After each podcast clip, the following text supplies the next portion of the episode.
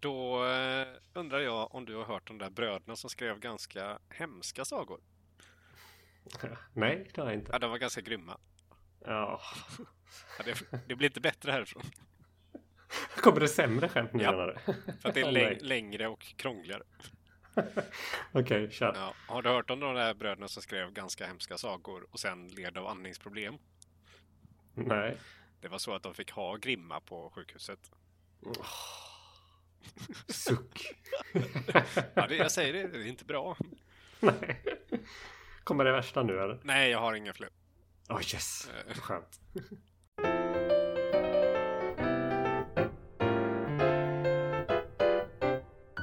Hej och välkomna till Litteraturhistoriepodden. Podden som är och handlar om litt. Jag heter Joakim och med mig har jag min trogna följeslagare Sebastian. Hej. Hej! Vad ska vi prata om idag Sebastian? Eh, Vi ska prata om bröderna Grimms sagor.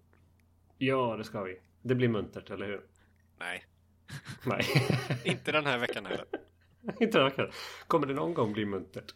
Det var väl ganska muntert när vi pratade om Harry Potter. Ja, det var muntert. Ja. Så får vi väga upp det med något väldigt dystert nu. Jag vet inte om det väger upp så mycket. Det, det har ju varit dystert hela tiden. Deprimerad. varför? Det är någonting som jag ändå sysslat med litteratur, liksom både som anställningsform och, och eh, akademiska studier ganska länge. Var, jag har inte tänkt på det. Varför är det så dystert hela tiden? Men är inte det, gå tillbaka till de gamla goda grekerna. Den fula genren det var ju komedi och den fina var ju tragedi. Ah, så. Och så kör man bara på tragedi i många år, 2000 år efter. 2500. 2500 dessutom. Nej men så kanske det. Att det, ja, men det finns väl också Ja. någonting som är mer lockande med det dystra. Ja, men jag, jag gillar min teori. För precis som med liksom Europas ekonomi så är allt grekernas fel. Ja, absolut. Absolut. Jag håller med. Ja, men det är Ja. Br- Bröderna Grimm och det är ju riktat till barn.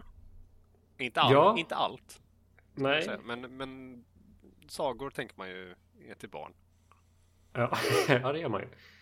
Och det, ja, mycket av det som vi har läst nu känner man ju igen.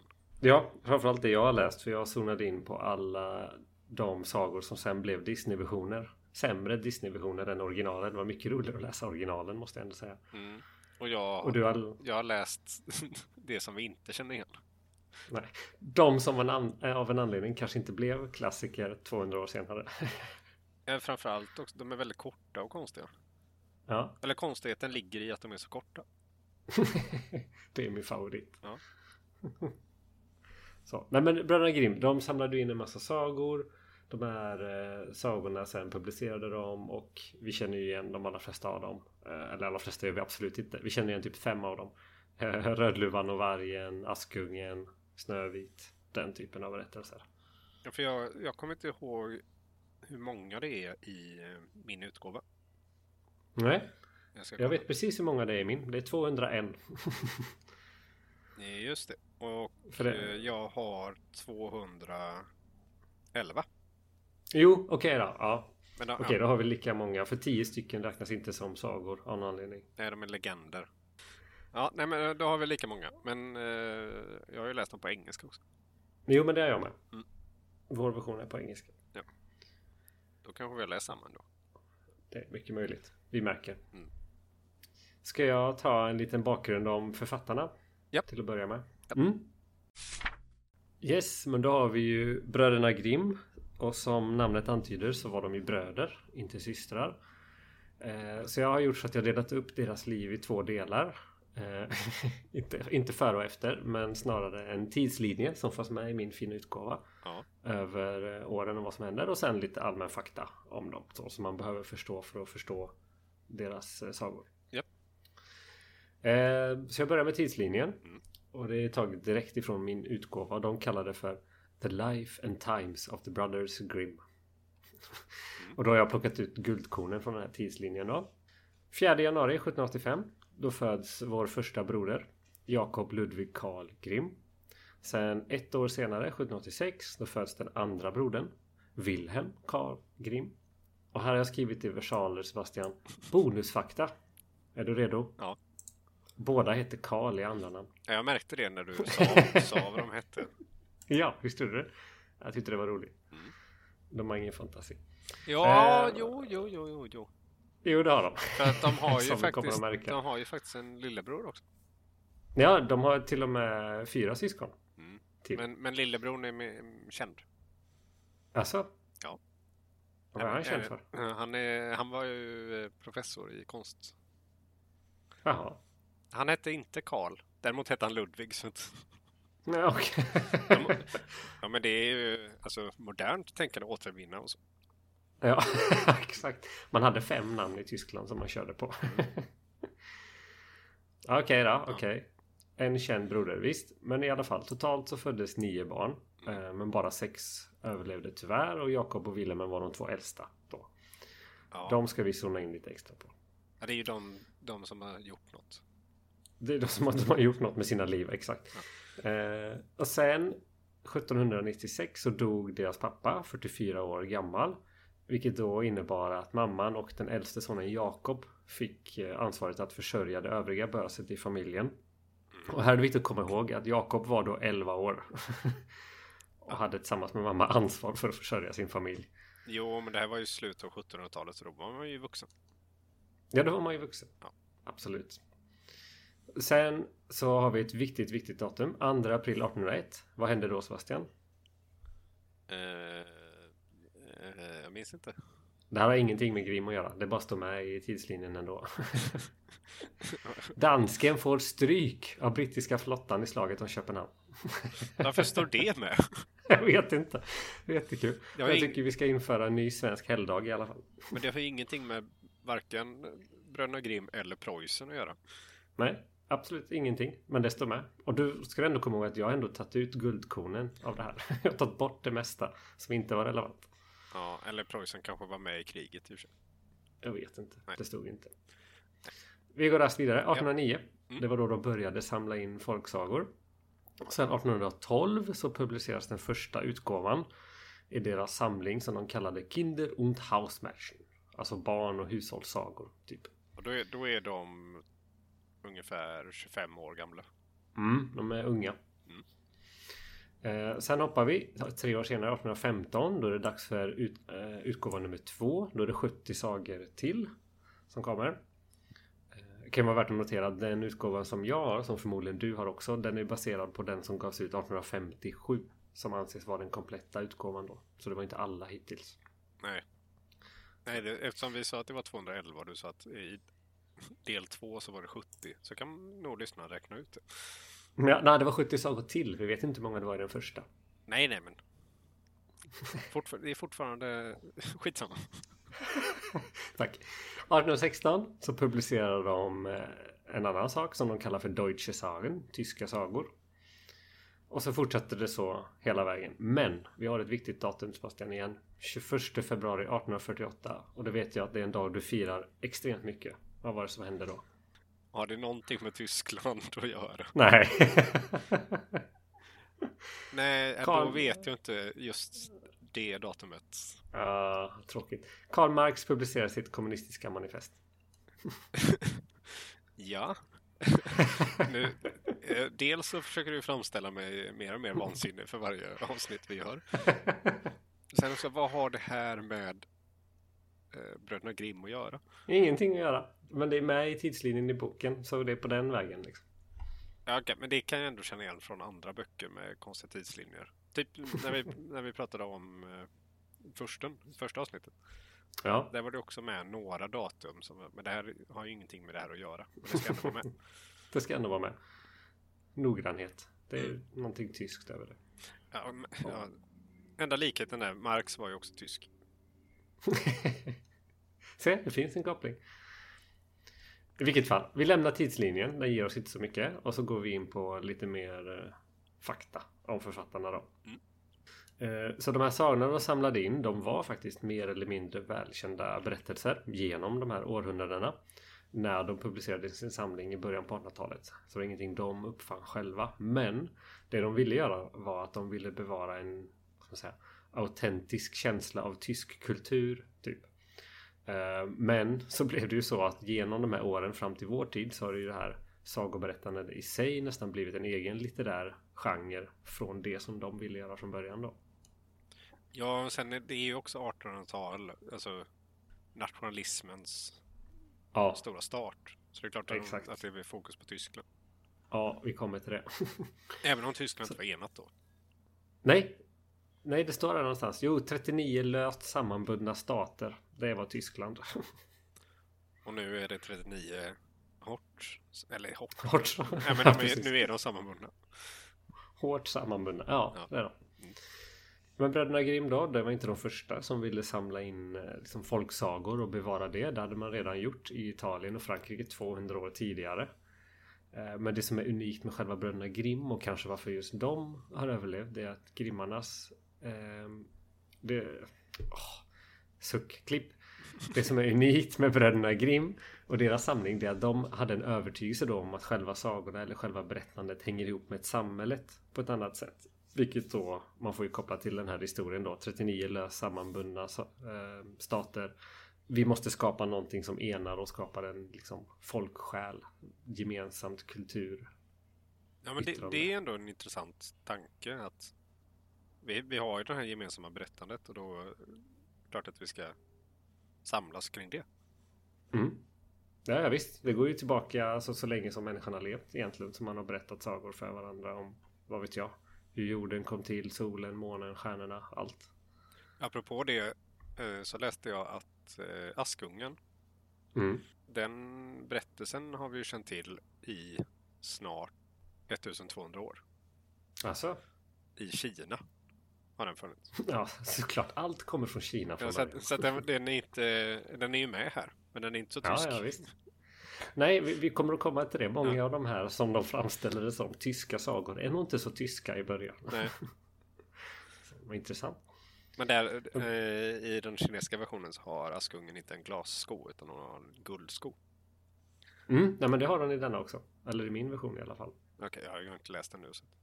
Nej, du bara hittar på saker. Nej, men jag har, jag har läst om berättelsen. Bröderna Grimm. Nu kör jag vidare. Mm. De växer upp i välstånd i de här första tio åren innan deras pappa dör.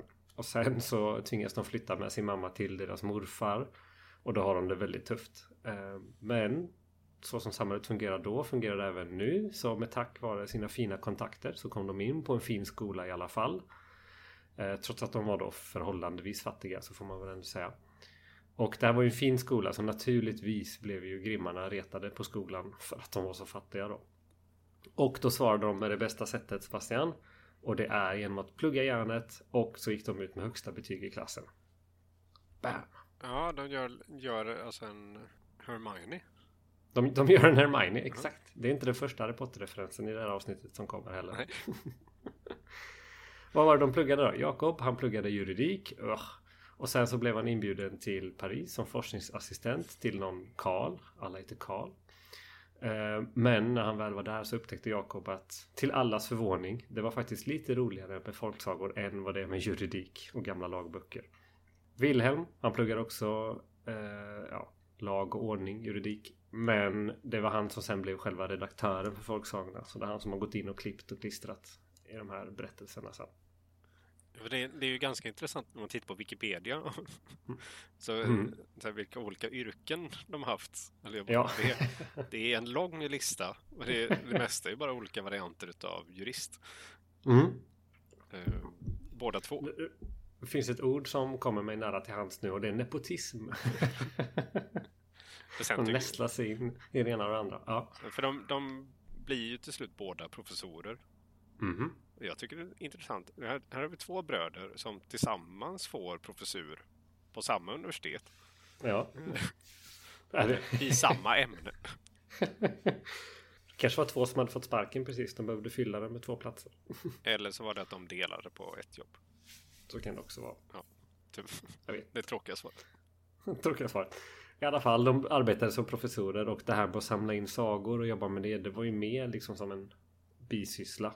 Som de sysslade med. Egentligen så höll de ju på att studera tyska språket och lingvistik liksom. Det var ju deras brödföda så. Ja, de var, Men sagorna de var, var ju det de gillade. De ja. var ju språkvetare. Ja, exakt. Mm. Usch, hemska människor. Och lite fun fact. Den här senaste utgåvan då, 1857. den har sålt så himla bra i Tyskland att eh, vid 1900-talets början så var det bara Bibeln som hade sålt i fler exemplar. det är faktiskt ganska bra. Ja, men det kan man ju förstå för det ligger ju verkligen i tiden att göra det här. Exakt. Eh, Jag funderar på det nu så har förmodligen Harry Potter gått om dem. Ja, det finns väl också en annan mer såld bok i Tyskland under första halvan av 1900-talet. Nej, det tror jag inte. Men det, det, där kan det ju varit att staten tving, eller alla, alla nygifta par fick ju den boken. Det var så mycket bättre för. Jo, fast den boken var också Mein Kampf. Så att, Jag vet. Kanske inte helt så mycket bättre för. Nej. Nej, så egentligen det jag hade om deras liv. Vad vill du tillägga? Ja, nej men de är språkvetare. Det finns det här Grimms lag. eh, Mm. Som vi pratade om innan vi började spela in. Mm. Eh, som handlar om liksom hur, hur de germanska språken har utvecklats från indoeuropeiska. Och det, handl- det handlar ju om språkljud. Och den, den är uppkallad efter eh, en utav dem. Jag kommer inte ihåg. Jakob, tror jag det var. Ja, han är äldsta brodern. Det känns som att han gjorde det mesta av jobbet. Och Willem fick liksom klippa ihop allting sen i slutet bara. Men jag, ja, men jag läste en rolig beskrivning utav de här två. Att, Mhm. att Jakob var liksom det, det stora geniet med massa, massa idéer. Men, men eh, Wilhelms bidrag var att han var uthållig och sammanställde allting som hans bror, bror hittade på. Så att det kanske är mer alltså, Det är mer Wilhelms förtjänst att det faktiskt blev någonting. Ja, För Jakob var lite mer eh, hoppa runt. Han fick nya idéer hela tiden. som storebror gillar jag i och för sig den definitionen att första barnet är geniet. Andra barnet blir det som liksom sopar ihop. Jag, Öser. jag tror inte att det var en allmän beskrivning utav jag. syskonrelationer. Men, Känner igen mig väldigt väl i det här. ja, jag är också storebror och känner inte alls igen mig. Jag tycker att jag spelar båda rollerna. ja, det kanske inte går att dra för stora växlar av just det. Nej, men så det två bröder som båda blir professor i språkvetenskap får idén att om vi tittar på de berättelser som finns i landet så kan vi nog också hitta någonting om språket. Mm. Kan man väl sammanfatta det med. Det kan man göra. Bra sammanfattning. Och det är så tidigt 1800-tal i Tyskland. Eller Mm. Preussen. Som det var. Ja, exakt. Mm. Apropå det, vill du ta lite om epoken? Om, ja, romantiken Mhm. är, är det vi jobbar med. Det är det. Och det, vi kommer märka en hel del av det. Alltså, för det, det, nu blir det faktiskt, nu förstår jag relevansen av varför England-Danmark-kriget. ja, okej. Det här, det här är ju en tid av mycket krig i Europa. Samtidigt som industrialiseringen håller på. Mhm. Så gör att många människor flyttar in till städerna och lever där ganska fattigt. Och sen så är det oroande nyheter eh, runt omkring. Vilket gör att det är en ganska jobbig tid att leva i. Och då börjar man drömma sig bort till liksom ett enklare liv ute på landet igen. Många av sagorna är ju folk som bor i små stugor i skogen. så bara där har vi ett tecken. Jag brukar tänka att det är ganska svårt, vi som ändå undervisar i svenska där litteraturhistoria ingår. Här, nu ska vi förklara idéströmningarna till romantiken. Nu, när jag har läst lite av de här berättelserna från eh, Grimm, då har man bara kunnat ge dem en saga. Så här, läs det här. Här har du romantiken. Klart. Ja, ja absolut. Men det, Det är man, verkligen- man kan ju ja. se det i Frankenstein också, att han ligger under golvet i någon stuga, monstret, och funderar över sitt liv och sina känslor. Och tittar upp och tittar vilket härligt liv de har, medan allting är värdelöst för mig. Det är han och Goethe, de hänger ihop. Ja, och man har, alltså man har det här storm och känsla. Det är, Ja, det, är liksom det stora känslolivet som är det viktiga inte Mm. omvärlden. Men det, det märks väl inte jättemycket i sagorna i och för sig. Nej. Inte men just så- i de här så sagorna. Men ja, nat- naturen, själsliv, känslor. Eh, inte depression, men liksom lite vemodighet tillbaka till det som var förr. Ja, men också, alltså framförallt med känslorna så är den stora misären. Ja. All, alla är ju deprimerade. Eller, det verkar vara så himla jobbigt att, att vara en sagokaraktär. ja. Nej, så, ja, men så det är det och som alla epoker, det är en motreaktion mot upplysningen att det var för mycket fokus på, på det fysiska under Mm. upplysningen och nu, nu ska vi titta, blicka inåt istället. Ja, ja men exakt. Upplysningen, ja, logik, man klarar sig bara man tänker logiskt. La, la, la, la, la, la. Och sen romantik istället. Nej, känslorna är faktiskt det som gör att vi, det är värt att leva. Vi fokuserar på det istället. Och det, det är väl det som är våra liv också. Ja. Och det, det här hänger också ihop med att psykologin har blivit en vetenskap. Ja, börjar- Freud tittar in. Ja, jo. Ja, några andra också. Men, men att man har börjat undersöka eh, liksom, varför beter vi oss som vi gör och sådär. Mm. Varför begår vissa brott och andra inte? Föds man så eller inte? Mm, ja, där, i och för sig, just den tanken varför vissa begår, där, där är det ju fram till typ 70-talet, alltså 1970, som, som man fortfarande tänker att det är generna som styr och har du dåliga gener så kommer du bli kriminell. Ja, visst. Och sen, Eh, Jag menar inte att de hade löst det. nej, nej, men, ja, men det är klart man börjar fundera på det, absolut. Men det, det tar Det tar ett tag. ja, nästan 200 år till innan Ja. man börjar undersöka det ordentligt och liksom miljöfaktorer och så. Ja. Men det, ja, så det, psykologin Mm. påverkar ju också. Även om Ja. psykologi är också egentligen ett 2000 år gammalt ämne. Ja. ja, ja, det är väl det. Men också, eh, alltså det finns ju en historisk koppling som vi pratade om innan. Preussen då, eller ja, Tyskland inom situationstecken. Det var ju de här 39 lösa sammanbundna staterna. Det var ju revolutioner, den ena revolutionen efter den andra. Det var försök till revolutioner. Då, eh, alltså det var ju eh, alltså en utarbetad strategi av grimmarna att de skulle liksom bygga upp liksom ett, ett arv, ett kulturarv som man skulle kunna enas kring. Just för att deras historiska verklighet var ju det att det här finns ingen enighet så. Ingen gemensam identitet på något sätt. Nej, det, är- det är ju 1800-talet är ju det är ju en tid av stora förändringar Ja, i verkligen. samhället. Särskilt i Tyskland. Mm. Det är väl epoken då. Det är väl epoken. Exakt. Ska vi ta några sagor nu? Ja, eller ska vi berätta om boken först? Ja, just det, det ska vi. Okej, ja, boken då. Eller, det är ju egentligen böcker. För det är ju Ja. olika Exakt. eh, antologier. Mhm. Som, och som du sa så kommer, kommer de med lite olika mellanrum. De lägger till, de har, de har hittat fler sagor och skrivit, skrivit fler. Fram, men framförallt redigerat också. Ja, De, har- de har ju plockat bort mycket av det sexuella som fanns i, i sagorna för att det skulle rikta sig till barn. Ja, Men behöll våldet. ja. Men det, det är som fin tysk idé det. Bort med sex, in med våld. Men det är ju för att det ska ju finnas någon slags eh, sensmoral med varje berättelse. Ja, man ska lära sig precis. av det. Jag har ett konkret exempel på det och det är Askungen. Mm. I slutet där när hon gifter sig med den här, de säger aldrig prins, det stör mig också något otroligt. Det finns inget som heter prins, alla är kungens son i min översättning. Skitsamma. Ja. Askungen ska gifta sig då med kungens son.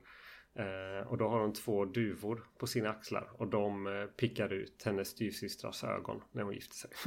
Ja, det, det är våldsamt. det behöll man. ja. Men sen om de gick och låg runt lite, det, det kan vi ta bort. Ja, ja, ja, ja just, och det är till och med i någon berättelse i Rapunzel tror jag. Så står det ingenting om att de skulle ha legat eller någonting sånt. Och sen så hoppar man några år senare. Ja, där växte barnen upp. Så, jaha, där ser man. Sen vet jag inte hur du tänker Sebastian, men jag ser framför mig då eh, hur grimmarna skulle samla in de här muntliga sagorna. Då ser jag framför mig hur de går liksom från by till by. Det är öde skogar. De pratar med sig ensliga trolltanter. De står och rör runt i en stor gryta över en öppen eld. Så här, de pratar med fattiga bönder. De säger någonting i stil med att den här sagan, den berättade min farfars farfars farfars farfar för mig och det är den godnattsaga jag för vidare till mina barn. Så. Var det så de gjorde? Det är ju bilden man har utav det. Det är bilden man har För av det det. är lite så det har berättats. Men, Ja. men Det stämmer inte riktigt. Det de gjorde istället, de här lata hjärnorna, var att de typ la ut annonser. Och sen så satt de hemma och väntade på att folk skulle komma och knacka på deras dörr och berätta sagor. Som de skrev ner. och, Och då kan man tänka att, ja okej. Är det sagor från de här bönderna, ursprungs, liksom, sagor? Så, så, nej, de bjöd ju typ in sina kompisar i medelklassen och överklassen. typ så här, du Georg, kan inte du komma förbi på te? Eller vad dricker man? Glühwein. Och nu när du är ändå här, underhåll mig med en saga. det var inte ens annonser utan bara Nej, ja precis. alltså, Det var ju... festinbjudan. Ja, eh, det var väl någon. Wilhelm gifte sig ju med en av de där som berättar massa saker. Jag tror hon bidrog med typ 20 olika sagor, bara hon. ja, ja, Dorotea som hon heter. Ja, exakt. Hon är ju också faktiskt känd som en sagoförfattare. Jaha. Eh, Ah, Okej okay, det kan- kanske var lite rimligt ändå. Så att, jag tror att en del av det som han fick från henne är ju också nyskrivet material. Ja, Som, det är mycket möjligt. som då publicerades vi, via honom. Via honom istället. Men nu, ja. nu gissar jag också vilt. Men Ja, jag vet, jag, ja, hon, men- är, hon är känd som en sagoförfattare. Och, Ah, eh, okej. Nej, men, så, Jo, men för- men jag, om jag Ja. hade suttit, satt mig ner och gjort det här projektet så hade jag väl gjort på samma sätt. Alltså det är ganska ineffektiv liksom, användning av sin tid att gå från by till by och prata med folk och hoppas på att de har en berättelse. Jo, men det är mer sagolikt. Det är det. det är väl kanske därför man har den uppfattningen också. Att det ska, det ska vara, att det de gjorde ska vara som i en saga. Ja, ja men precis. Och det är också det här att den bilden har vi ju haft nu i över 200 år. Mm. Ska vi liksom göra sönder den bilden nu och säga att det var inte alls så som de gjorde egentligen. Sen finns Ja, det ju det en, vi. en film om dem också. Där, där, som porträtterar att de då dels var busungar men, som unga men att de då sprang mellan byar och samlade in. Ja, ja. ja men det är den där jag- har jag romantiska mig bilden. alla liksom. Ja, det kan nog stämma. Jag, tr jag tror att jag har sett filmen. Jag, jag såg lite affischer förut och, och, och tyckte mig känna igen den. Okej. Ja. Men det, de, de, alltså, de gjorde ju så mycket mer eh, Grimmarna än att bara liksom samla in sagor och sen så ge ut dem. Vi pratade ju tidigare om att han Wilhelm han klippte ju bort alla sexuella delar men behöll våldet och sådär. Det var också det att de arbetade aktivt Grimmarna med att här, öka möjligheten till nationell kulturell identitet. Eh, som den här sagosamlingen då skulle ge den tyska befolkningen den här stoltheten eh, över sig själva. Och de såg ju den här ursprungsbonden som någon sorts symbol då för den här förfadern som hade levt nära naturen, nära Gud, simpelt vanligt liv som inte längre finns kvar i samhället. Och bara det gör ju att deras sagor nu då, de innehåller ju ofta de här fattiga barnen, det är möer som ska räddas, det är yngsta söner och andra liksom av samhällets bottenskrap. Och det är de som till slut besegrar de här elaka häxorna, farliga odjuren, hänsynslösa härskarna. Så, allt för att bygga upp den här gemensamma identiteten. Och att alla, alla män i alla fall, de beskrivs ju med sina yrken. Ja, Du, ja, men du är inte eh, någon gubbe i skog, du jobbar som skogshuggare. Man, man, man är pappa och skogshuggare. Ja, typ så. och det är hela din identitet i de här sakerna. Exakt. Ehm, här, en sista sak bara Ja. om de här. Ehm, och de här bröderna de såg individen som en representation för hela ens kultur. Många konstiga saker med det. Och det ledde till två stora missförstånd som vi har om bröderna då. Ett, att sagorna berättades för dem av bönderna som de hittade ute på landet. Det har vi redan sagt, det var inte så det gick till. Två, att de bara skrev ner och sen eh, redigerade sagorna. Men de skrev faktiskt några själv också. Själva. Det var en annan sak. Nej, men det, är så, efter, det är mycket barn. Eftersom, ja, det är sagor så det är inte så konstigt. Nej. Och, och rikta sig till barn, det är klart man har barn som huvudkaraktär. Men det är ju det här med, med att i och med att vi startar fabriker så är det ju barn som jobbar i fabrikerna. Mm. Om man då berättar om barn som inte sitter i en fabrik utan de lever ute på landet eller i skogen så behöver man inte tänka på det här hemska att barnen var väldigt hårt utsatta på grund Nej, av exakt. fabriken. Och det kan ju också vara mer enande. Mm. Sen tänker jag sticka ut hakan här nu. Oj, oj, oj. Är det Bröderna Grimms fel att det blev världskrig? Oj! Förklara hur du tänker. Ja, att, att de bidrog till att ena Tyskland. Eh, Ja. Och sen alltså, att de var drivande med nationalismen i Tyskland. Åh. Jag, jag vet precis vad vi ska skriva nu i avsnittsbeskrivningen. Så här, Bröderna Grimm, grundarna av första världskriget eller något sånt. Ja, ja det var ju i och för sig Österrike. Men, Ja, där rök det. ja, men, det, men det var ju Tyskland som fick skit för det sen. Ja. Mm. Nej, men så att, det var ju inte så att de sprang runt utan de satt hemma och fick saker skickade till sig. Ja, precis. Och så skrev de ner, redigerade så att det skulle bli mer anpassat för barn. För det läste jag också att sagorna från början var inte an, äh, avsedda för att läsas för barn utan det var för vuxna. Mm. Och det var de som gjorde om det så att det mer skulle passa att läsa för sina barn då. Bara faktiskt en konkret sak är ju att i originalen så är det oftast bara moden som är den elaka personen, inte styvmoden. Nej. Och så tänkte de till då att okej okay, det här är för barn. Barn kan inte läsa än. Vem kommer läsa för dem? Ja men det blir ju mamman. Mm. Det är nog inte så bra om vi säger hur hemska alla mammor är. Vi ändrar det till styvmamma istället. Ja, det blir bättre så. Det är en bättre saga så. Mm. Ja, vill du också uppleva en konstig kvinnosyn, tala med djur eller helt enkelt bara leva ett enklare liv i en liten stuga i skogen? Då har Litteraturhistoriepodden lösningen för dig. Det är nämligen så att vi får kontakt med Robin Grim och han ordnar bussresor till Hanau, 25 kilometer öster om Frankfurt. I Hanau har Robin nämligen köpt upp en massa åker och skogsmark och bygger där just nu tralalala-land. Testa på att sticka dig Eh, i fingret på en spinnhjul, stapla djur på varandra eller varför inte öva klättra upp i ett slottstorn med eh, hjälp av ett eh, ja, vad ska, rep kan vi säga. Och glöm inte att stanna till i den ätbara restaurangen. Den ska tydligen vara uppbyggd igen nu efter förra månadens glada gäng från Stuttgart, så att säga, spårade ur. Hur som helst, det ska vara löst nu i alla fall. Ja, ni hör ju. Så slå till nu så får ni 20% rabatt på både resan och boende samt en extra bok om tysk språkhistoria. Vem vill inte missa det? Ska, ska vi ta några sagor nu då? Ja, låt mig höra vad du har läst. Jag har läst Den underbara musiken. Åh, oh, Freddie Mercury. Ja, kul. ja, och då är det så att den underbara musikern, han går ensam i skogen och längtar efter lite sällskap. Så han spelar på sin luta för att locka till sig ja, någon. ja. Och först kommer en varg. Ja. Vargen tycker att han spelar underbart och ber musikern att lära vargen att spela lika bra. Ja. Musikern är inte helt nöjd med det här sällskapet. varg. Men, eh, men han går med på att jag ska lära dig att spela. Så de kommer till en ek och i eken så finns det en hålighet. Och då säger musikern stoppa in tassarna där i håligheten. Vilket vargen gör såklart. Och då, såklart. då är musikern snabb och slår ner en sten i håligheten så att vargen sitter fast. och sen går han iväg. Han, ja. han lämnar vargen där. Vilket svin! Ja. ja. Och sen så spelar han lite mer på sin luta då när han har gått iväg. Och då kommer, kommer en räv. Och det är ungefär samma sak här då. Men istället för att han, blir, att han slår fast tassarna i, ett, i en ek så spänner han upp räven mellan två träd. Ja, men vad fan, okej. Okay. Ja. Och sen går musken vidare och då kommer ja. en hare. Och då binder musken en re... Haren vill också lära sig att spela så bra. Alla ja. djuren vill. Musken mm. binder ett rep runt harens hals och binder fast andra änden runt ett träd.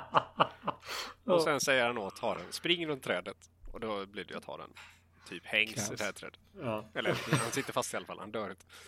Uh, och muskeln går iväg. Och nu har vargen faktiskt tagit sig loss och stöter ah. på de andra djuren och hjälper dem att komma loss också. Uh Medan muskeln stöter på en skogshuggare. Alltid en skogshuggare och varg med i alla ja, berättelser. Ja. Och skogshuggaren blir förtrollad av musiken och musiken är mycket mer eh, bekväm med det här sällskapet. Mm. Men de arga djuren kommer ju och ska döda musiken nu. Men skogshuggaren, han tycker ju så mycket om musiken så att han hotar dem med sin yxa. Eh, och djuren springer iväg istället. Och musiken belönar skogshuggaren med en låt och sen går han. Så, var, så var den sagan slut. Han borde ju låsas in på ett psykhem. Ja, absolut. Djurmisshandlare. Ja. Djurmisshandlare, bedragare. Ja. Mm. Vad hette det så? Den underbara musikern? Ja, den underbara musikern heter den. Åh, det är något så härligt tyskt över det. Ja. Men har du hört berättelsen om spiken? är det, nu är jag så dålig på Killevippen, eller är det något sånt man trycker på en spik och så blir man liten? Uh, nej, det är det inte. Nej.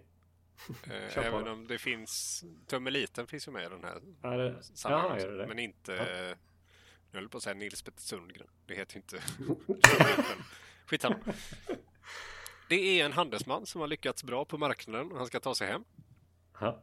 Med sin häst. Och i stallet så säger stallpojken att hästen saknar spik. Men handelsmannen säger nej, jag, jag tror vi klarar oss de sista kilometrarna. Ja, undrar vad som kommer att hända. Mm. Mm. Och sen pausar de i en till by. Och då får handelsmannen veta att hästen nu saknar en sko. Alltså, nej, men det är lugnt, vi kommer klara oss.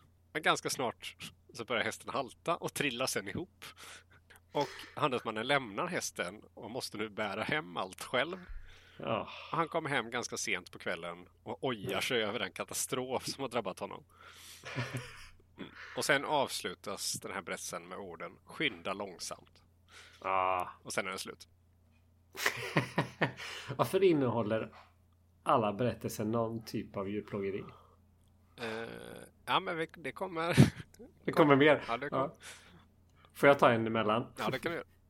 Jag har läst The Frog King or Iron Henry. Ja, just det. Mm. Kommer nog känna en del av den här tror jag.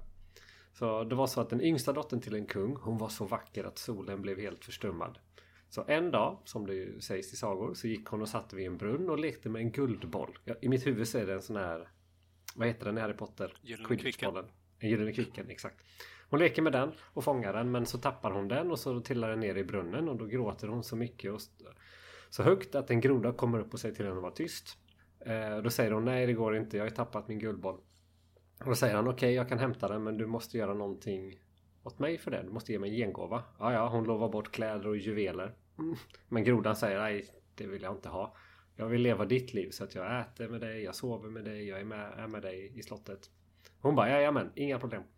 Och grodan hämtar guldbollen och sen så sprang hon iväg och bröt sitt löfte istället. Det är inte slut där, det kommer mer. Ja, ja. Ja. Hette ändå näst- Grodkungen. Ja, exakt. Så eh, nästa dag så sitter de och äter, kungens dotter och kungen i slottet och då knackar det på dörren och det var ju grodan då. Som kommer in och säger att eh, hon inte har uppfyllt sitt löfte och kungen blir arg och tvingar henne att leva upp till det löfte som hon har gjort då. Så grodan får sitta med och äta från samma tallrik och sådär och sen är han mätt och då vill han gå och sova. Och då måste han göra det i samma säng och hon vägrar igen men hennes pappa tvingar henne. Så då bär hon upp den här grodan så här, två fingrar väldigt äcklad. Upp på sitt rum, sätter grodan i hörnet och så lägger hon sig i sängen. Och grodan hoppar fram och så säger han nej vi skulle ligga Jag skulle ha exakt samma liv som dig så jag ska ligga i samma säng som dig. Och då tar hon upp grodan och så slänger hon in den i väggen och så säger hon nu kan du allt vara tyst hemska groda. Men nu kommer twisten. Istället för grodan så är det nu en kungs son där istället. Ja, En prins alltså. Mm, ja. Så, och prinsen han tar med henne hem till sitt kungarike via en droska som är dragen av hästar med strutsfjädrar på huvudet. Eh, Japp. Slut. och så tog mig väldigt lång tid. Den här Iron Henry som det nämndes då i, i vad den kallas, titeln, ja exakt. Det är tydligen den här grodans eh, Det är grodans, nu kommer Jörgen här och Ja. mjauar. Det är grodans eh, betjänt. Som har tre stycken lås på sitt hjärta och de öppnas upp när han kör hem dem i alla fall. Så det hade ingenting med historien att göra egentligen? Nej. Nej, nej, nej. Ja, Men återigen, djurplågeri. Ja. Mm, du får ta din nästa. Ja, jag, jag har två korta kvar. Ja. Det är ju då småsaker, ja. som det heter. Och då är det en, en väldigt lat kvinna som är dålig på att spinna, så när minsta motstånd dyker upp slänger hon bort en del av råmaterialet. Men hon har en väldigt företagsam tjänarinna som samlar på sig med råmaterialet och spinner det själv. Då. Okej. Så hon, hon behöver inte betala för det. Men, och till slut så gör tjänarinnan en, en vacker klänning. Och den lata kvinnan ska gifta sig. Och på bröllopet så ser hon sin tjänarinna dansa glatt i sin vackra klänning då. Och då börjar den här lata kvinnan oja sig över att tjänarinnan dansar i hennes rester Nämen. eh, för, för sin man då. Och Mm. mannen på bröllopet, ska tilläggas, lämnar direkt den lata kvinnan och gifter sig med tjänarinnan istället. Slut! Nej, alltså slutar det så? Ja. Vad roligt. Och sen då till sist så har vi berättelsen om Smala Lisa. Och jag, jag tänker mig att det är liksom en tysk version av Smala Sussi. Eh, nej, det är det Nej. inte. Okej då.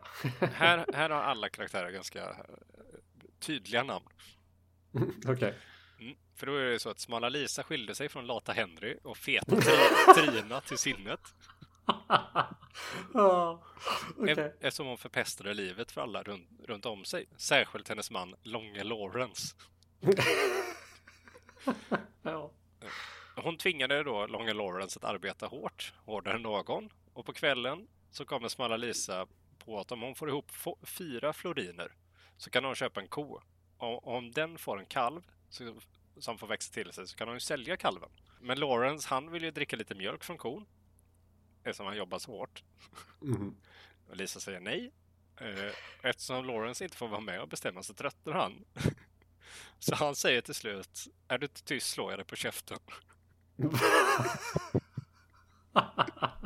Nej. jo, jo, jo, jo, absolut. Eh, och Lisa blir sur och gnäller ännu mer. Så då håller han fast hennes armar och trycker ner henne i kudden tills hon somnar. Men vad. Och om hon vaknar på bättre humör, det vet berättaren inte. Nej, okej. Åh, herregud. Också så här väldigt kort. Ja. Så att, alltså de, de här korta berättelserna, de är ju väldigt märkliga. Och jag skrattar ju rakt ut på många Ja, det, ställen. Det, är helt underbart. De, de avviker ju direkt från vad man förväntar sig och samtidigt så ska de ju vara sedelärande. Ja, ja, men det, det är tydligt så moral ändå. Ja, kanske, Ja, kanske inte den underbara musiken. Men, Nej, nej. eller så, nej, var, inte var inte ett as. Egentligen Nej. alla de här är, var inte ett as och eh, skynda långsamt. Ja, men typ. Lyssna på dina föräldrar. Håll, håll dina löften. Ja. Jag, jag har läst en här som heter The Wolf and the Seven Little Kids. Mm. Se om vi kan känna igen handlingen här. Ja. Det är typ Rödluvan light. Ja, det är konstigt, Och det för Rödluvan finns ju med också. Ja, jag vet. Jag läser den också. Jag ska ta delar av den sen. För det skiljer sig lite från vår version av den. I alla fall. Det här är vargen och de sju små barnen. Mm. Är det vanliga barn? Nej. Det är mamma get. Hon har sju små killingar. och mamma get hon går ut för att hämta mat och så förmanar hon sina små killingar då att vakta sig mot vargen. För vargen, han maskerar sig ofta. Men, här kommer knepet. Man kan känna igen honom på hans råbarkade röst och svarta tassar. Så sakta gjort. Vargen kommer och knackar på. Men killingarna öppnar ju inte för han låter ju så råbarkad. Så vargen han drar till kritmakarens affär. Äter en massa kritor och då får han en skön röst helt plötsligt. Så han går tillbaka och knackar på dörren igen och killingarna de har ändå lärt sig så de öppnar inte. Varför? Jo för de kan ju se att, hans, att han har svarta tassar. Och det talar de ju om då för honom naturligtvis. Så vargen, han drar till bagaren och tvingar bagaren att hälla en massa mjöl på hans tassar. Och bagaren ville först inte men vargen hotade att äta upp honom. Och då gick bagaren vargen till villes för, citat, i sanning är män sådana. Ja, ja just det. Tydligen. och sen har vi då tredje gången. Som vargen knackar på då blir han ju insläppt för han har ju vita tassar och en fin och skön röst. Han äter upp alla killingar utom en som gömmer sig inne i en klocka. Sen drar han till en glänta och chillar lite. Då kommer mamma get hem, hittar killing nummer sju, får höra allting. Hon hämtar sax och sytråd, skär upp den sovande vargens mage och så byter hon ut de levande killingarna då mot stenar och syr igen vargens mage. Vargen vaknar, är törstig, går och dricker men drunknar eftersom stenarna i hans mage är så tunga. Mm, tänkvärt. Ja, otroligt. Varför är, Vad ska vi det, lära oss av det här? varför är det så ofta att det är någon som skär upp en vargs mage Ja, och plockar ut... Alltså läkarkonsten, den var ju helt Ja. fantastisk på den tiden. Det tydligen. Att svälja saker hela betyder också att de lever och rör sig i magen. Ja, men det tar ju... Magsyran tar ju en stund. Ja, ja visst, visserligen. Så har jag bara lite kort inspel från Rödluvan då som jag har läst här. Mm. Den är mer eller mindre så som vi känner igen den. Det är några saker som skiljer sig åt. Och det är att när, ehm, eh, när vargen har ätit upp eh, Rödluvan och eh, mormon då. Så ligger han och snarkar så högt att det kommer en eh, förbipasserande trähuggare naturligtvis. Och trähuggaren bestämmer sig för att gå in och se om mormodern vill ha något. För han, hon snarkar så högt. Det är anledningen att han går in. Ja, det är konstigt i Ja, sig. det är väldigt konstigt. Och sen samma sak då. Han skär upp magen, de kommer ut och så fyller han magen med sten. Men vargen dör direkt då istället av det här. Men det finns en fortsättning, visste du det? Nej. Det är inte slut här, det fortsätter.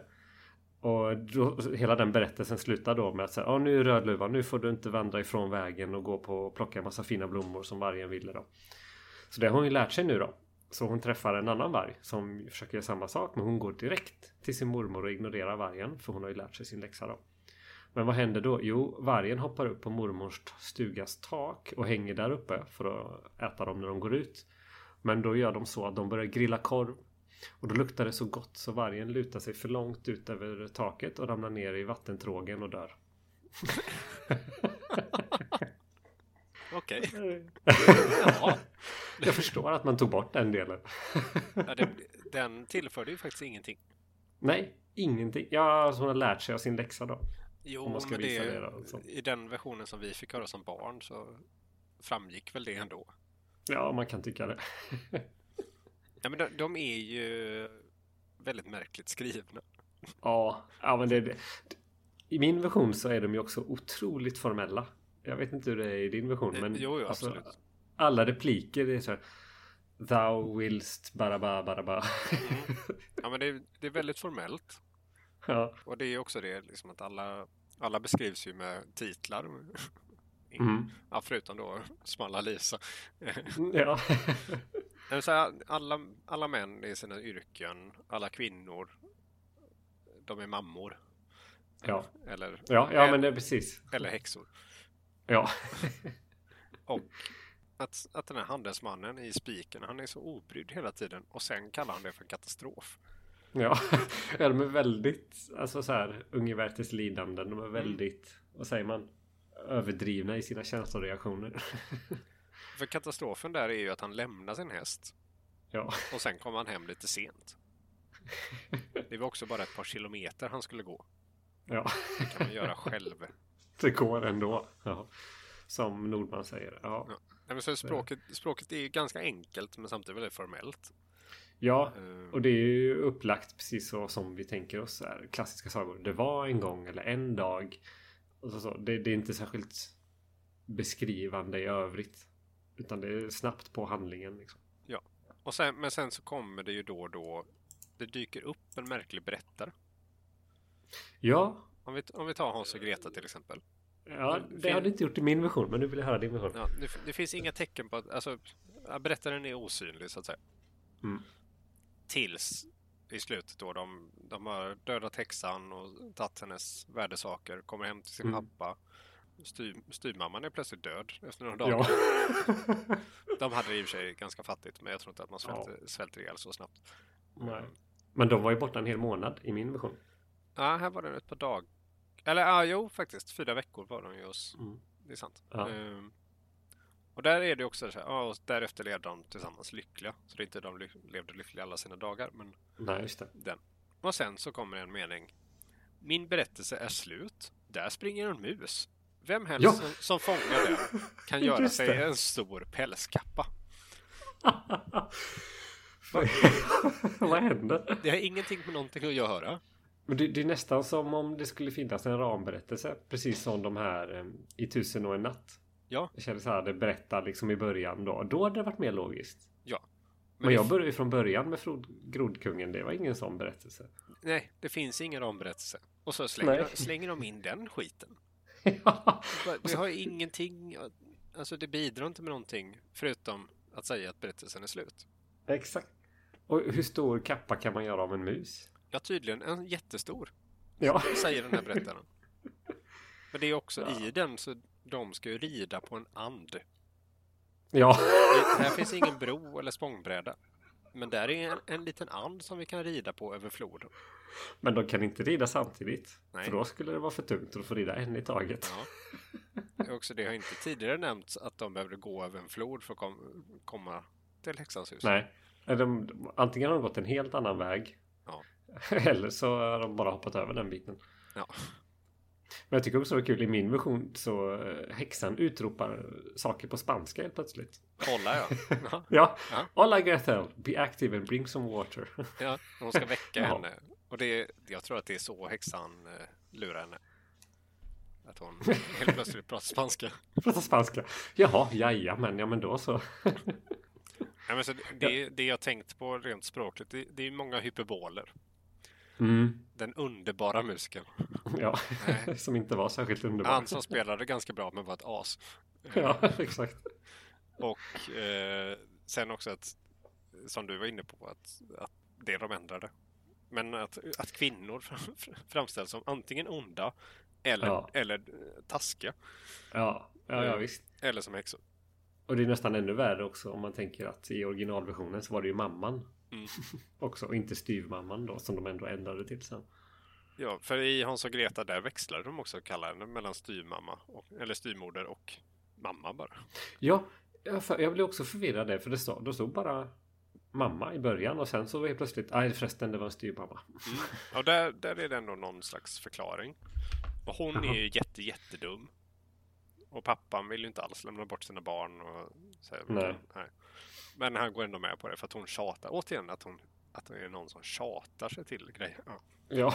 Det är också ofta sånt alltså. Ja. Och sen är det ju att, att Greta då, hon, hon gråter ju faktiskt mest genom hela berättelsen. Tills, tills det att häxan ber henne gå in i ugnen. Och då är helt plötsligt är hon lika klurig som Hans. Ja, ja, exakt. För det var Hans idé med brödsmulorna med de små vita stenarna. Och att lura häxan då att ta fram en benbit istället för att känna på hans finger då hur tjock han hade blivit. Ja. Och att han bort, bortförklarar det här med varför han lägger ut grejer. Ja, men jag tittar på det här, det är min katt som sitter på taket. Som, ska, som vill säga Ja, hej då det. till mig. Ja. Nej, nej, det är bara solen. Eh, dumma pojke, säger styvmodern. Nej, men det är min eh, duva som sitter där. Nej, nej, dumma pojke, det är bara solen. ja. Men de, de går ändå på det. Ja, det är... Märker inte att någon går och kastar bröd på Nej. Nej, exakt. Men jag tycker också det är kul. Alltså visst, Hans är ju väldigt alltså, så här, fyndig i början och Greta blir ju det plötsligt sen. Det var ju hennes idé med att rida på anden också. Mm. Som ser över. Men att de inte fattar att häxan är ganska elak. När de ändå beskriver henne som alltså, här, hon har röda ögon och dålig syn. Ja, och där kommer det någon sån här mytologisk beskrivning av hur häxor är helt plötsligt. Ja. Att de, de har röda ögon, dålig syn, men de har ändå liksom någon slags sinnesnärvaro som bästar. Eh, Att de vet Ja, när människor Ja. är i närheten. Exakt. Så de bara sticker in lite snabbt. Och sen så bjuder hon på pannkakor med socker och nötter och, och ja, ja. Ja, det låter ju väldigt gott. Ja, herregud. Jag måste ta en sista berättelse, sen är jag helt färdig. Mm. Eh, Och det är Rapunzel. Ja. Som jag har läst. Eh, Det var många ord jag lärde mig i den. eh, Faktiskt på engelska. Vet du vad en rampion är? Eh, nej, Det är en rapunkelklocka. Nej, jag vet inte vad det är på svenska heller. Nej, nej inte jag heller. Jag fick googla. Det är en sorts stjärnformad blomma. Jaha. Tänkte det var kul. Det kanske är något med hennes namn att göra. Men jag har inte förstått den kopplingen i så fall. Rapunzel, Rapunkel. Ja. Mm. I alla fall. Eh, den är ungefär så som eh, vi kände till den då. Eh, men det är en liten förhistoria till hur hon hamnar i det här tornet med den här elaka eh, häxan. Och det är att en man och kvinna har länge försökt att få barn och de har inte lyckats då. Men en dag så ser den här kvinnan då en Rapunkelklocka i eh, grannens trädgård och så vill hon äta blomman. Så hon återigen tjatar på sin man och tvingar mannen att gå och hämta den. Och så käkar hon upp den. Men det är ju som du vet Sebastian, precis som med drogberoende. Har hon fått en så vill hon ju ha en massa mer. Så hon tvingar ju mannen att hämta massa fler blommor. Men då blir han påkommen av den här trädgårdens ägaren då, den här häxan. Men häxan säger att ja men visst, ta alla rapunkelklockor som du vill ha så länge jag får ert framtida barn. Och pappan bara jajamän, det låter som en bra deal, vi kör på det. Eh, sen lyckas de få barn, tydligen. Eh, det står ingenting om det. Men nästa mening är bokstavligt talat. Ja, Rapunzel växte upp och när hon var 12 år så satte häxan henne i ett torn utan dörr. Och det hon gör då är ju att hon eh, släpper ner sitt långa hår så att häxan kan åka hiss och komma upp och hälsa på henne då. En dag, gissa vem som kommer? Är det någon kungens barn? Ja, Ja. inte en prins utan kungens son kommer. Ja. Han hör Rapunzels röst, han blir helt liksom förhäxad, tycker det är fantastiskt. Så han ser också hur häxan åker snålskjuts upp på hennes hår, så gör han samma sak. De blir kära direkt och vill gifta sig och här då, underförstått, så har de också legat. Det förstår man sen, men det är ingenting som skrivs rakt ut. Eh, så han drar därifrån. Eh, Rapunzel hon råkar försäga sig till häxan för hon säger att du är mycket tyngre att dra upp än vad kungens son är. Åh nej, nu sa jag för mycket. Eh, så häxan blir förbannad, klipper av henne håret och lämnar henne i en öken mitt ute i ingenstans. Kungens son kommer tillbaka. Han blir upphissad av häxan.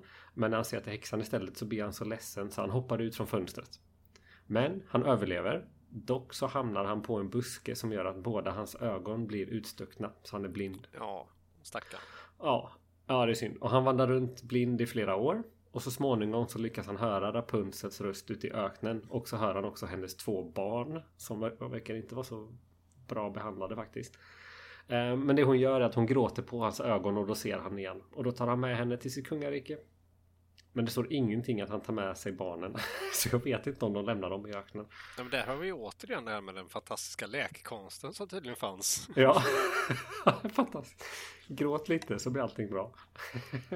Ja, men om vi ska ta några avslutande tankar här då. För att det, alltså, Mm. det har ju varit, varit intressant att läsa original. Nu är det ju inte på tyska, jag kan inte tyska så. Men, men Nej. att läsa ändå originalversion på det sättet. För att det finns lite extra grejer. Mm. Mycket av det, det var ju tur att vi tog bort det sen när Disney gjorde film av det eller så. Ja, Eh, För det blev bättre bättre. det blev bättre narratologi. Ja. Men också att så mycket mörkare än de versionerna som jag fick höra som barn är de ju faktiskt inte. Nej, i alla fall inte Rödluvan och det. Nej, nej ja, det var ju också konstigt tillägg att han skulle sitta på taket vargen. Men, Ja, men det, det Ja. blir ju inte värre för det. nej, alltså det finns ju. Jag läste ju Askungen också. Den är ju lite värre. De klipper av sig tån och grejer. Ja, För att Okej. passa i skon. Och de hackar ut styrsystrarnas ögon. och det roliga är att de byter sen när de är i kyrkan. Och så byter de plats med varandra, styrsystrarna. De har precis fått sitt ena öga utbytt. Och så byter de plats och så får de andra ögat uthackat. ja vad smidigt. ja. Nej, men så, sånt, det är ju lite mer i vissa av dem i alla fall. Ja, för det, det har ju alltid sagts liksom att det, det är så mycket mörkare Mm. och värre. Ja, så mycket värre är det inte. Nej. Men tänk, undra vad som hade hänt också om Istället för att gå runt och kyssa en massa grodor om de hade kastat grodor i väggen. för att förvandlas till en prins. Ja, okej. ja, det, det, det är väl en förbättring då. Ja, det får man väl ändå säga. så, nej, men det var väldigt roligt att läsa originalberättelsen. Eller så nära original vi kan komma i alla fall. Ja. Och det var ju inte så stor skillnad egentligen. Nej, de, de var lite konstigare än, än de alltså nytolkningarna. Ja, speciellt de här korta då. Som inte har blivit så välkända. Kan Nej. vi kanske förstå varför också. Ja, men det är också för att de blir inte lika bra som en godnattsaga. Nej, För, för att de är så korta. Så det, är, det är ingen förälder som orkar, orkar berätta för då måste man köra fem, sex stycken. nej exakt. För det finns, också- finns ingen ja. struktur. Nej, nej men det var väl också en sån grej. Jag tror jag läste om det att eh, bröderna när de samlade in berättelserna så hade de inte som mål att göra dem särskilt. Alltså de ska inte följa den dramaturgiska kurvan. De ska inte vara särskilt välberättande. Utan de ville mer liksom få fram berättelserna bara. Ja. Så det kan ju vara en anledning. Ja, absolut. Vad, men- Har du lärt dig någonting sen du läste det här?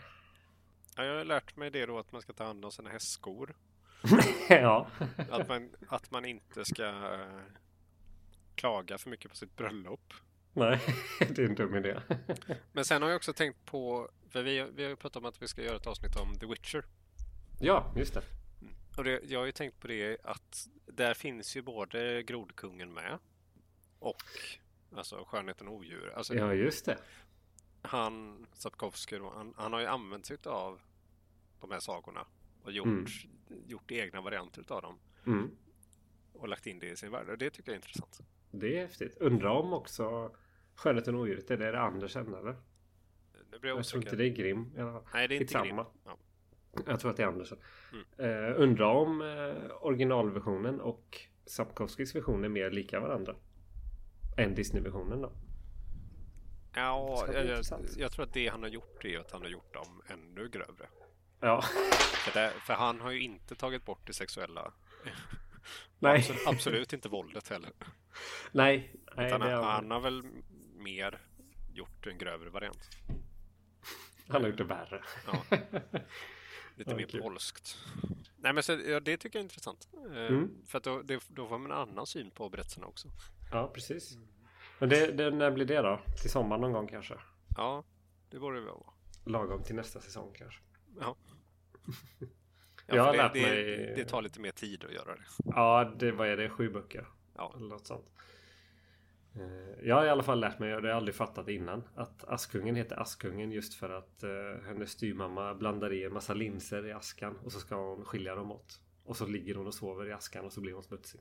Aha, ja det visste jag inte. Nej, Denna, ibland lär man sig. Man kan ju särskriva det namnet också. Ja, på många sätt. Askungen. Ja, precis. Bra. Ja, men jag, Ja, jag, jag har väl också, också lärt mig det som du sa om Bröderna Grimm. Att, att de reste faktiskt inte runt så mycket och samlade in. Utan Nej, nej, det var nytt. folk skickade. Det, det är faktiskt lite sorgligt. Verkligheten har rämnat på något sätt. Eller fantasin har rämnat. Ja, det är synd. Vad ska vi prata om nästa gång? Då ska vi prata om dvärgen. Ja, eller som vi har skrivit i vårt dokument Dvärgfan. Ja. Så att vi ska... En annan variant på Mr Hyde. ja, exakt. Per Lagerkvist, dvärgen alltså. Ja, Ja. det blir bra. Det får ni inte missa. Vi ses då. Ha det gott. Hej. Nej.